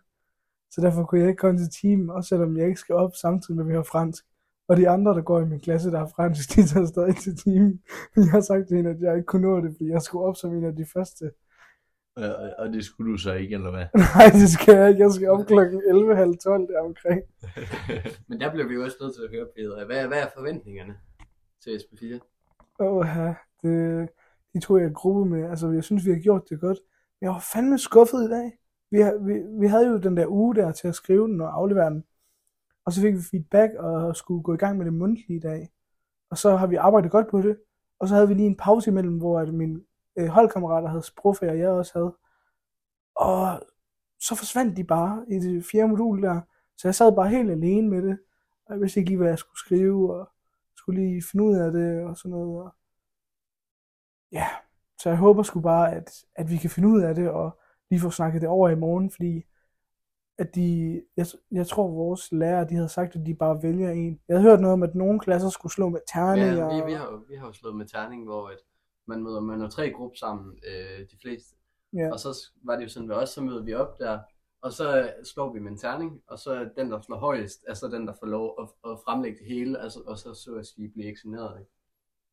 Så øh, den træk, jeg, og jeg slog højst i min gruppe, så det var mig, der skulle, skulle stå for, for det hele. Og det, det var en meget nøjere måde at gå, til- gå til eksamen Ja. på, ikke? Altså, jeg synes, det er meget mere behageligt, når man, hvis man vidste, okay, jeg skal op her. Ja. Øhm, ja. men nej, nej, det fik man ikke at vide. Det var en, øh, det var en direkte sådan, når jeg måske skal du op. Du har en tredjedel chance for at Ja. komme op. Jeg tror også, det var også nøjere end det der med, at man vidste jo godt, der var nogen i gruppen, der havde bedre styr på visse ting. Altså fordi for eksempel i vores gruppe, ikke, der havde vi jo Ja. nogen, der havde bedre styr på matematik, nogen, der havde bedre styr på historie, ikke? Jeg vil Som var sige, de to fag, I vi er meget, meget heldige ved, at det var dig, der skulle op. Ja, det tror jeg også. tror jeg, man kan sige, uden at Men det var også fordi... være offensiv ja, over for nogen. Fordi jeg tror, at jeg havde, jeg havde ikke lavet så meget matematik i gruppen, jeg havde mest lavet øh, historiedelen. Så jeg havde rimelig godt styr på historiedelen. Og så havde jeg øh, sat mig sådan rimelig meget ind i, altså sådan okay meget ind i matematik, nok til at jeg kunne snakke om det. Ja. Så jeg tror, at det kunne være gået værre, men det kunne ikke være gået meget værre, så vi kunne måske være der var et sving mellem to karakterer, vi kunne være, men jeg tror ikke, det kunne blive værre end det. Hvad endte I med at få? Øh, Vi fik 10, men jeg tror, at at fordi vores opgave, den lå til sådan et højt syvtal. Og så snakkede jeg den så en lille smule op, men jeg tror ikke, at vi, at vi kunne have snakket den ned til et firetal. Så jeg tror, den lå der mellem de der 7 og 10. Hold da op. Øh, ja, det var jo, jeg tror ikke generelt ikke, at SP4 var den store, sådan kæmpe store succes i vores øh, klasse. Jeg tror, det gik op for, for øh, mange, inklusive min egen gruppe, hvor svært det var at skrive historie. Ja, øhm, vi var jo relativt uheldige, fordi vores opgave var jo blevet, øh, vores matematikdel var jo blevet slettet, da vi printede den. Så øh, det betyder så, at vi har afleveret hele vores historiedel, øhm, men ikke vores øh, matematikdel. Og vi har afleveret matematikdelen på lektion, men øh, den nægtede de så at ret, fordi den var ikke blevet afleveret på papir. Så det vil altså sige, at øh, vi blev, altså vi blev sådan, vi fik karakter ud fra, at vi kun havde afleveret med, eller historiedelen, og ikke afleveret noget matematik overhovedet. Så derfor så fik vi fire, som jeg faktisk synes er relativt højt i forhold til, at, øhm, At der er en hel del, der mangler. at, at ja, det er jo halvdelen af opgaven, der så bare ikke er der. What? Øh, så, så det synes jeg egentlig er meget godt. Altså. Øhm, og så, så, så havde vi desværre så ikke mulighed for at, at trække den op. Det var ikke mig, der, der skulle fremlægge, men, men, men jeg tror også bare, det var så svært øhm, med det hele i forhold til at så skulle forklare hele matematikken og nå det hele og sådan noget. Det kan man altså ikke. Det, det, det, jeg tror, det var, den var umulig at redde på det punkt. Altså, den var, den var svær. Altså, jeg frygter sgu også lidt for vores karakter. Vi, øh, vi fik jo feedback på det skriftlige. Og det vi har skrevet, det hænger egentlig fint nok sammen, og vi har også styr, godt styr på metoderne. Vi har bare glemt alt det basic.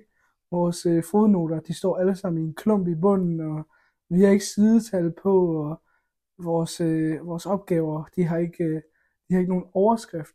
Øhm, så- de hedder bare for eksempel undersøgelse 1 eller analyse 1. Så de har bare, øh, hvad opgaven skulle handle om, og så tallet. Men, men det er spændende, at, at I har haft matematik og historie. Hvor- Hvordan hang det sådan? Hvad havde I som overemne? Altså, vi havde øh, slaget om Iwo Jima, som sådan et, øh, øh, afhængig af hvem du spørger, øh, mindre slag under 2. verdenskrig, øh, som var det sådan første slag i Stillehavskrigen, som foregik på japansk øh, jord. Øh, det var øh, noget af det sværeste, jeg nogensinde har skrevet om. Fordi øh, det var utrolig svært at finde noget. Særligt data om det, som man kunne bruge i matematik. Ja. Øh, for eksempel, vi skulle bygge, vi skulle lave noget, øh, det handlede så om differentiallinjen, det har man ikke på BNU. Øh, men øh, der havde vi ligesom nogle tabstal, som vi ikke havde for japanerne, så vi kunne ikke lave en rigtig model, så vi blev nødt til at lave vores egen tal, ud fra et, altså ud fra, at vi vi gik selvfølgelig ud fra, at, at da de jo tabte, så måtte de ende med 0, ikke? Og vi vidste, hvad de startede med, sådan cirka. Så det var sådan, så måtte vi opfinde vores egen tal, så vi kom også til at lave en model, som ikke sådan helt passer i virkeligheden, og vi havde også svært ved at få lavet en, en, den rigtige model og sådan noget. Så, så der var mange ting, som ikke fungerede ordentligt. Øh, så jeg tror, det var, det var et forkert emnevalg fra lærernes side til, at det skulle hænge sammen. Jeg tror, at i selve historiedelen var det måske okay, men matematikdelen, der endte det med ikke at hænge sammen, og så, øh, så var det sgu svært. Så jeg, jeg tror, det var, det var vores historielærers projekt frem for vores matematiklærers projekt. Ja, det, det, det tror jeg helt sikkert er rigtigt. Øhm, da, rent historisk synes jeg, det var meget spændende. Jeg var jo så heldig, at jeg fik lov til at læse en hel masse japanske tekster, øhm, som der så bare var oversat. Jeg kan lige så godt afsløre, at de er fuldstændig sindssyge. Ja. De Okay. der, øh, når, når det kommer til krig. Øh, altså det var øh, nogle af deres breve og sådan noget, det var bare, øh, godt, nu går jeg ud og dræber mig selv. Øh, jeg holder granater i hånden. Nu løber jeg mod den nærmeste fjende. Så var det nå, okay, hold da op. Det er godt nok vildt. De var helt syge, dem der. Men hvad, hvad var det I mere konkret skrev om? Du sagde det godt lige før. men Ja, var det sådan, Jamen, øh, vi havde historie og samfundsfag, og så har vi haft om den kolde krig, vi har haft det i virkelig, virkelig lang tid. Vi havde om det samfundsfag for noget tid siden, og så har vi haft om det historie øh, to måneder før SB4 startede og frem til SB4. Så vi har bare fået masser af informationer og masser af sider og, og altså hjemmesider og sådan noget, vi kunne besøge og få informationer og sådan noget. Vi har også fået en hel systeembog, som kun omhandlede, hvad der skete efter krigstiden. Og nu havde vi også et kæmpe, kæmpe, kæmpe bredt emne. Den kolde krig, det er jo enormt stort. Altså man kunne tage en hel opgave bare for at snakke om Kubakrisen, blandt andet, og, og så videre. Men, øh, men altså, det var, det var svært at finde noget, og så skulle vi jo, vores lærer havde gjort det sådan, at vi skulle selv finde vores eget problemstilling, og så tog de den så, og så lavede de deres problemstilling og deres underspørgsmål med under, undersøgelser, analyser og så videre. Og det, øh, vi havde valgt noget med, hvordan at krigen i Ukraine minder om det, der er i, eller hvad hedder det, ja, krigen i Ukraine minder om det, der var i øh, den kolde krig der, den Sovjetunionen og, og, Vest, og Vesten. Og, og ja, vi har bare skrevet masser om det. Det er mange, der har om det, og det var, altså det var nemt, det var nemt at finde materiale sådan til at forstå basis af det, men så skulle man også øh, have noget ekstra materiale. Jeg var inde og besøge Rigsarkivet og sådan noget, men vores det var bare, altså alle kender jo den kolde krig, men det var sådan mere i dybden med det, og så skulle man forklare, hvad der skete, og, og hvorfor de gjorde det. Altså min del af den, fordi vi, min gruppe valgte simpelthen at sådan inddele det i tre dele. Fordi vi var tre, vi havde en undersøgelse, en diskussion og en analyse, og jeg havde undersøgelsen, og jeg skulle undersøge noget om, hvordan at, øh, hvordan at strategiske beslutninger og så videre, det, de lavede i, under den kolde krig, og hvordan det minder om det, der er i Ukraine i dag. Og så snakkede jeg bare om nogle af de forskellige ting, Truman-doktrinen, og, og hvordan NATO blev formet, og Varsava-pakten og sådan noget. Og så også noget om, at øh, fordi i historie vil du gerne have, at man er kildekritisk. Så har jeg også noget med omkring øh, Varsava-pakten, jo, som er vigtigt, fordi at alle kilderne var, kom fra en meget vestlig øh, narrativ. Det var meget vestligt. Så det var også, øh, det, var, det var spændende, men det var, ja, jeg synes bare, det var et bredt emne, så det var svært at sådan skrumpe det ned til noget, men kunne skrive på så korte tider, og så også noget, man kan tale om. Ja. ja. Øh, jeg tror også, vi havde meget det samme. Der var også mange i vores klasse, der havde problemer med at, altså, at egentlig at udfylde kravene, fordi der var mange, inklusive os, der skrev en lille smule for meget. Øh, faktisk fordi det der historie, det er så svært, at, at, at, du skal have så meget med, og så skal det have fylde relativt let i forhold til, hvor meget de gerne vil have, man skal have med. Plus det er så svært, ikke? At man nogle gange føler, at man skriver, altså man skriver et eller andet jap. Ja, for det, ligesom det er at en fylde meget ud. kort, øhm, altså kort, his, eller Ja. sådan en kort opgave i forhold til, hvor meget man skal have med. Nu vil jeg godt lige sige til de lyttere, som der ikke går på vores gymnasie, øhm, så er det jo ikke alle steder, man har øh, de her opgaver. Nej, øhm, SB4 og sådan noget. Men det er jo faktisk også, det er der jo en sjov historie med fra vores gamle rektor, som der selv fik lov til at vælge hans øh, bonus, og hvordan den skulle afregnes. Ja, han havde sådan en, en, en resultatkontrakt, ikke? Som sådan, øh, ja, hvor at, øh, der, blev, der blev lavet en gymnasiereform for nogle år siden, øh, og så en tidligere en i nullerne, hvor han jo også var rektor dengang, hvor den sagde andet med, at der skal være tværfaglighed i gymnasiet. Og så, øh, så det er man åbenbart gået rigtig meget hæftigt ind på i gymnasiet. Øh, så den tidligere rektor, han siger jo, at der skal være så også meget, og der skal, derfor skal der skrives de her SP-opgaver, som der så er fire af i ens tre år på gymnasiet, plus nogle andre tværfaglige opgaver. Øh, og så er det så under hans kontraktbonus, hvordan det blandt andet går i de her opgaver.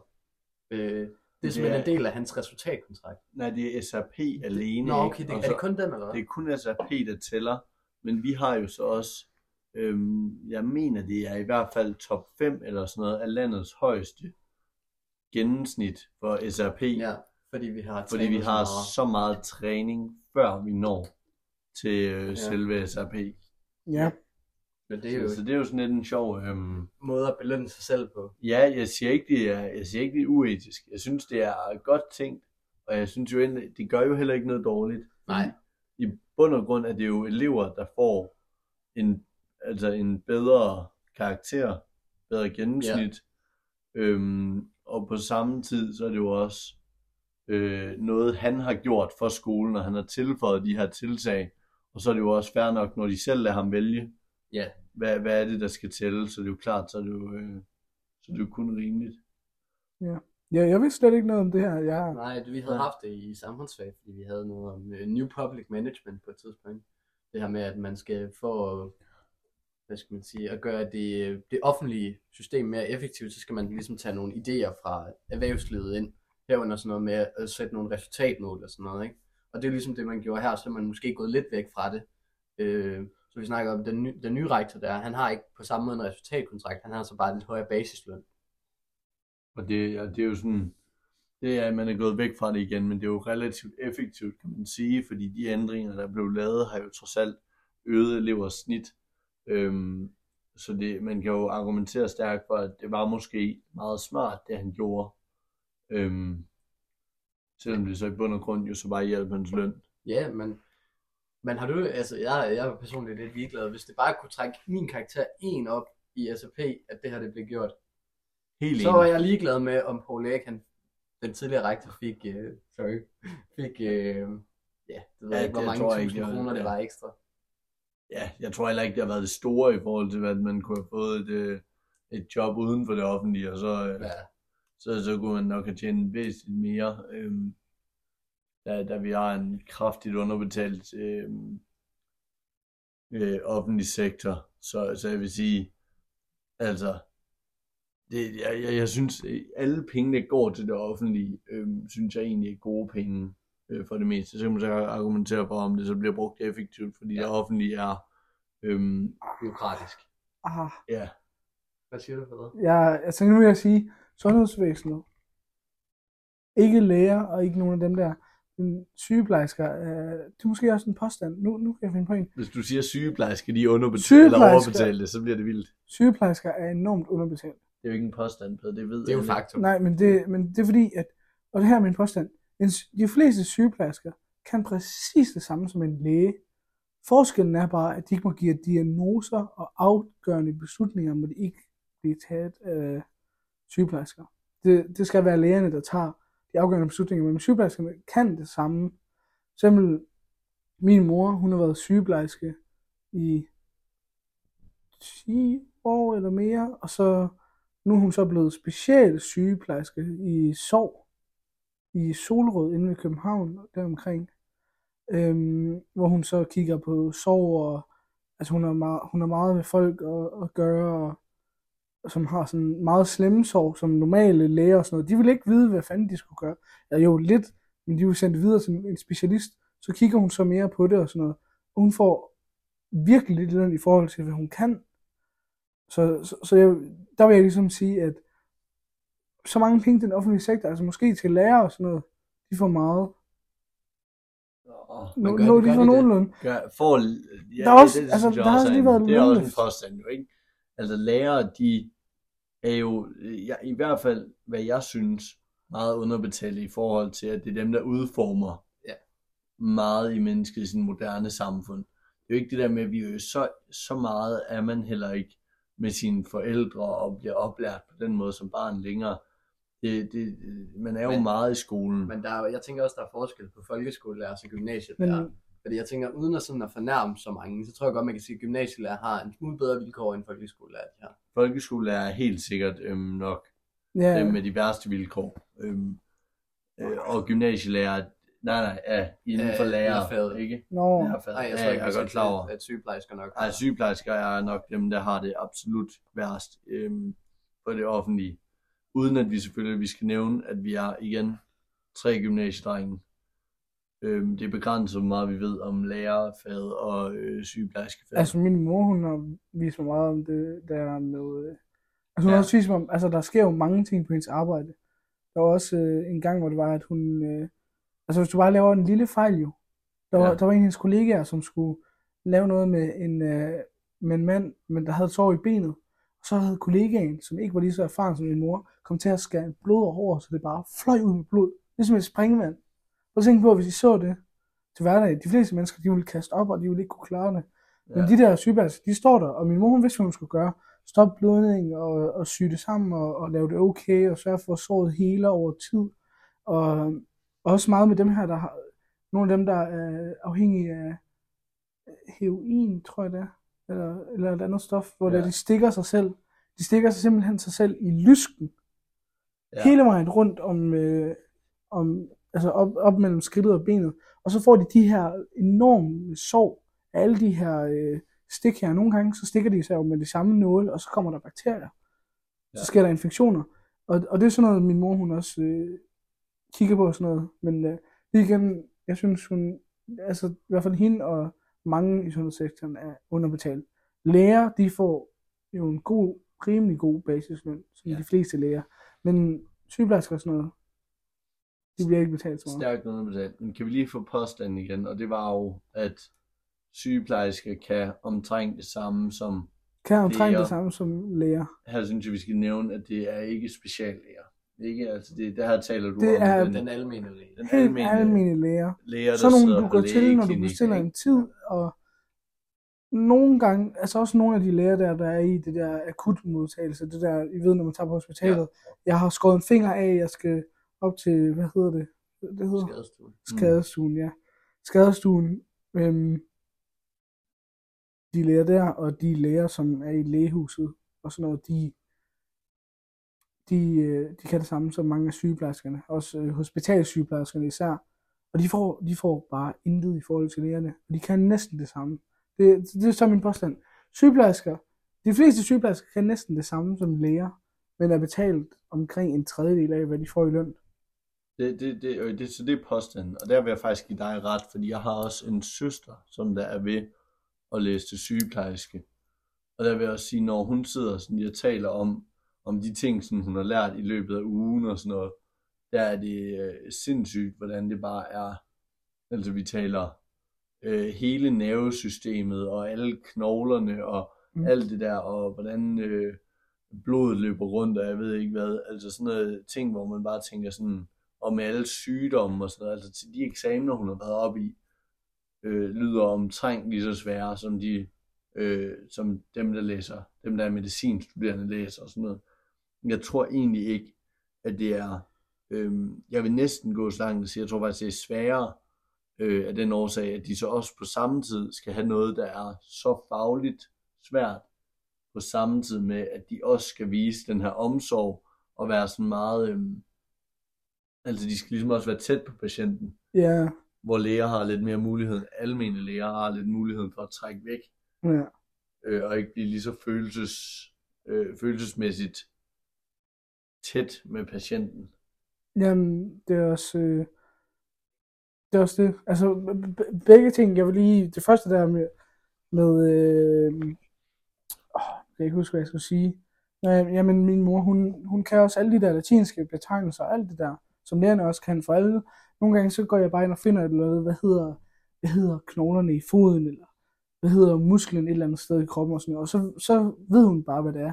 Så, så siger jeg det til hende, hvad det hedder i latin, og så ved hun, hvor det er på kroppen på dansk. Ja. Og så, og så også det andet der, det der med, at, øh, at hun, hun er i sådan en klinik, der hvor hun arbejder, og der, og der kommer folk ned. Men så er der også det der med det connection. Altså, nogle af hendes, øh, nogle af hendes klienter, de er, de, de er meget sådan tætte på hende, og, og du ved, så, øh, de kommer med gaver til hende nogle gange. Julegaver eller chokolade eller sådan noget. De må egentlig ikke rigtig tage imod det. Så det, så det er sjældent, hun, hun får noget med hjem. Fordi de må, ikke, de må ikke få det. De må simpelthen ikke få gaver af patienter. Patienter, som hun har, hun har passet og set til deres sorg i flere år. Der er for eksempel nogen, øh, en eller anden af hendes patienter, der er stoppet med heroin. Hun har taget sig af sorgen og gjort for det i helet, og de får det bedre i kroppen og så videre. Og så må de bare ikke, øh, så må de bare ikke øh, give hende noget som helst. Hvis nu de vil give hende en lille gave, det er, det er forbudt. Det må de simpelthen ikke tage imod. Ja. Samtidig med, at de får den lave løn, de får. Altså, og så, der var jo også strække her. Det ved jeg ikke, om I har. Jo, jo, selvfølgelig. Ja. Har I hørt noget om det Jo. der med... Men altså, der skete jo ikke så meget efter den her strække her. Der skete ikke noget. Og jeg kan huske selv, min mor, hun havde også sådan en måtte foran døren, hvor der stod, vi er mere værd. Fordi, Ja. Og jeg, tror, jeg tror, det var sådan en... Øh, grund til, at der ikke kom mere ud af det, det var fordi, at sådan, den almindelige danske befolkning var øh, røvligeglad. ja, Ja. Øh, fordi et, det er jo sådan en meget normal menneskelig ting, ikke? At først sig selv, og så andre, ikke? Ja, Så i en periode, hvor andre, hvor de fleste synes, de havde nok at gøre med sig selv, ikke? Det var jo lige efter corona, eller der var stadigvæk efterdønninger af corona, ikke? Mm. Så der havde man nok at gøre med det, ikke? Og så, da man ligesom ikke kunne få nok opbakning til det her, øh, i hvert fald til at gøre noget, ja, så døde den jo lidt ud, ikke? Og, og der var også rigtig mange politiske partier, der brugte det som, lad os sige, øh, mading til Ja. den gennemsnitlige vælger, til at man tænkte, åh oh, ja, og sygeplejersker, de tager, de hjælper vores bedsteforældre, de hjælper, når man er syg, og de hjælper, Mm. øh, altså, det, det kunne man sagtens sidde og tænke, når man var der til valg, men så var det også sådan, så ville man heller ikke gøre mere ved det, og, og så er det som om også, at efter valget, har vi heller ikke set nogen store ændringer. Det er Nej, sådan, altså der, der er jo det der med, der, de har jo vedtaget det der, jeg ved faktisk ikke, om de har vedtaget det, men de har i hvert fald foreslået, at visse grupper inden for det offentlige får, øh, får, får et løft øh, i løn, ikke? Og der mener jeg, at sygeplejerskerne var inkluderet, ikke? Øh, ja. så, det, så lidt bliver der jo gjort, men jeg tror måske egentlig, at det handlede lige så meget om vilkår, som det handlede om løn. Ja, men øhm, og, og der kan man jo så se, det, man kan jo argumentere for, at det er en af de få tidspunkter, hvor politikere de er jo blevet set i at lyve eller overdrive. det, det, det sker jo ellers aldrig, som er jo... Øh, Ah. Det der med at få vælgerne over på den gode side der. ja, det, det, det, Det det synes vil jeg ikke, sige jeg har noget. hørt om Var der før. ikke også noget med Venstre? Det sidste valg? Jo, ja, vi skulle, vi skulle Ja. i hvert fald Nå, ikke i øh, regering med Socialdemokratiet. Uh, hvor skulle ikke i Men regering? der, Ja. der, vil jeg, så, der, vil jeg, der vil jeg så sige, der vil jeg faktisk gerne, øh, der vil jeg gerne forsvare Venstre for, Ja. ja. for en gang skyld i mit liv, ikke? Mhm. Fordi du har to mulige valgmuligheder. Øh, du kan stå på den ene side og så sige, okay Mette Frederiksen, du kan reagere på lige præcis 90 mandater, som du har sammen med Enhedslisten og Alternativet og andre langt mere Ja. venstreorienterede partier. Så kan du sige, hvad kan der fra et borgerligt, øh, altså hvad kan der fra et borgerligt perspektiv komme af færdigheder ud af det? Eller du Ja. kan sige, okay, jeg sluger min stolthed, og så prøver jeg at få noget indflydelse. Og så jeg gør, jeg, så gør jeg noget. Jeg er helt enig med, at det var det rigtige at gøre at gå i parti med, Regering. øh, eller ja, gå i selvfølgelig. Gå i parti, Ja, gå, gå, i, Forenet. ja, gå, gå i regering med, det kunne I fandme lige så godt, så mange Ja, af det er deres pointer ja, det er det rigtigt samme. Men Jeg plejer at sige, at der største forskel, det er, hvem de er venner med. ja, og det er ikke engang løgn. Men, øh, men jeg har det bare sådan lidt, altså, det, man behøvede jo heller ikke at sige, jeg skulle i hvert fald ikke øh, være i parti med, øh, det, jeg føler mere det er citatet om Ja, at sige, jeg vil aldrig gå i parti med. Men det sjove er jo så, altså, det var heller ikke længe han, og igen til jeg parti, Ja. jeg, jeg vil aldrig gå i regering med, med, men det var jo også tæt på sandheden, da han jo selvfølgelig ikke er i regering med hende længere. Ja, det er jo rigtigt nok. Altså, han lyver jo ikke. Han er en Nej, god, han- stolt mand, som ja. der så siger, ved I hvad? Det Så melder jeg mig ud af ingen årsag anden end at... Øhm, Jeg tror, jeg tror at, at, det var sådan, jeg tror, han blev presset internt, Jacob Ellemann, og så tror jeg, at det sådan blev lidt for Ah. meget. Det blev nok lidt for meget for ham, ikke? Jeg tror, at han var sådan forholdsvis øh, let og stress, ikke? Og så tror jeg, at det bare blev for meget for ham. Og så var det måske også bedst, at han kom ud, og så lod Traktor Troels komme til. Ja, øh, så må vi se, hvor stor en succes det bliver med, øh, med, med Traktor Troels. jeg, jeg kunne ikke forestille mig, at de ville ryge super meget op i vælgere. Nej. Øhm, Men, men det er også, kan, kan du forestille dig Troels Lund som statsminister i Danmark? nej. Altså fordi, om man kan lide Mette Frederiksen eller ej, øh, så er der noget statsminister over hende. Altså når hun er til ting, ikke, så er hun statsminister. Men jeg Ja. kan simpelthen bare ikke forestille mig det der med, nu skal du over og møde USA's præsident, Troels Lund Poulsen. ja, Det, nej, det, det fungerer bare ikke, vel? Det, det altså, går slet Der, ikke. der er, jeg, min mening, så er der masser af ting, man kan kritisere Mette Frederiksen for, men hun er statsministeragtig. Ja. Det er Troels Lund ikke. Det er, og det vil jeg også sige, det er Jacob Ellemann. Jacob Ja, der, Ellemann er mere, kunne, der er mere over det i hvert fald. Jacob Ellemann kunne godt være statsminister, uden at man ville tænke, det er en mærkelig, øh, Ja. mærkelig kombination. Præcis. Hvad der havde været mærkeligt, ville være Lars Lykke som statsminister igen. Nej, men han passer jo som statsminister, men det vil bare være et virkelig vildt comeback. Ja, det havde været sindssygt. Endnu vildere, end det var i forvejen. Ikke? Men Ja. ja. det, er jo, det er jo langt de færreste politikere, som er statsministeragtige. Det er rigtigt. Altså fordi, øh, om de så bliver det eller ej, hvis man sådan tager partiformen, så er der jo næsten ingen af dem, der er statsministeragtige. Hvis du tager de mest populære, ikke? Øh, Pia Olsen Dyr fra Venstrefløjen, SF, ikke? Der er ikke statsminister over hende, vel? Nej, det er der ikke. Vandopslag, der er godt nok heller ikke meget statsminister over Nej, det var heller ikke gået Fordi, efter altså, prøv- jamen, lidt på en pop. Ja, men prøv, det er jo også fordi, hvis du er et ideologisk, mere ideologisk parti, ikke, så er det jo også svært, at du skal ind og være statsminister, og så skal du træffe alle de hårde beslutninger, der ikke nødvendigvis er ideologi. Ja. Altså fordi, ja, mange Vandopslag er jo populære, ikke, men der er også meget af hans, mange af hans sådan, holdninger, som jo er ideologisk liberalt, ikke? Så det ville måske også være lige rigeligt med ham i statsministeriet, ikke? Helt sikkert. Men øh, Peter, hvad, hvad vil du sige om... Øh... Jamen, jeg synes også, at det er, det er spændende med det her SVM-regering her. Og, øh, og jeg er også enig i det der med, at det var godt for Venstre, fordi Venstre har jo haft det her enorme fald af vælgere. Kæmpe fald. De er alle sammen rykket over til enten Moderaterne eller Liberal Alliance. I hvert fald i stor grad.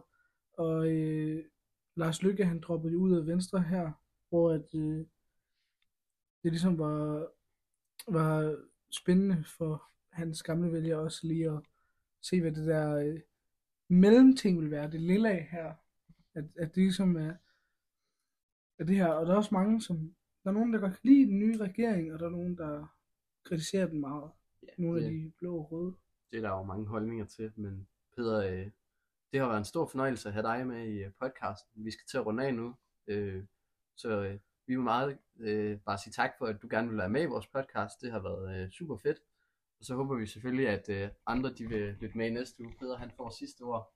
Jamen, øh, jeg vil bare sige tusind tak, fordi I gad at være med. Det var, det var rigtig hyggeligt, og, og jeg er meget beæret over, at øh, jeg simpelthen får lov til at være den første gæst på den her podcast, som øh, forhåbentlig begynder at blow op eller blive stor snart, fordi at, synes, det er nogle rigtig spændende ting, vi får snakket om. Det relaterer til mange mennesker, både ældre og især unge mennesker.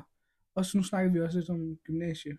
Så øh, det kunne også være, der var noget spændende der for nogle af de lyttere derude, men øh, tak fordi jeg måtte være her. Vi siger mange tak til Peter. Øhm, og så vil vi lige nævne, at vi selvfølgelig har, øhm, eller vores general manager, øh, han har glemt øh, at sætte vores øh, ind til vores brevkasse, men øh, I har altså mulighed til at tilgå den efter det her, hvor I også har mulighed for at svare på, øh, på det store spørgsmål, som jo selvfølgelig er and eller flæskesteg. Ja, julespecial. Julespecial spørgsmål. And eller flæskesteg? Hvad er du til? Er det det ene eller det andet? Mix? Eller spiser du noget helt tredje? Kunne det være, at du spiser noget indisk? Noget italiensk? Pizza? Spaghetti? Hvad Uh, spiser I i familie? Men skriv det ned i brevkassen, og øh, så ses vi næste uge. Det var alt for i dag.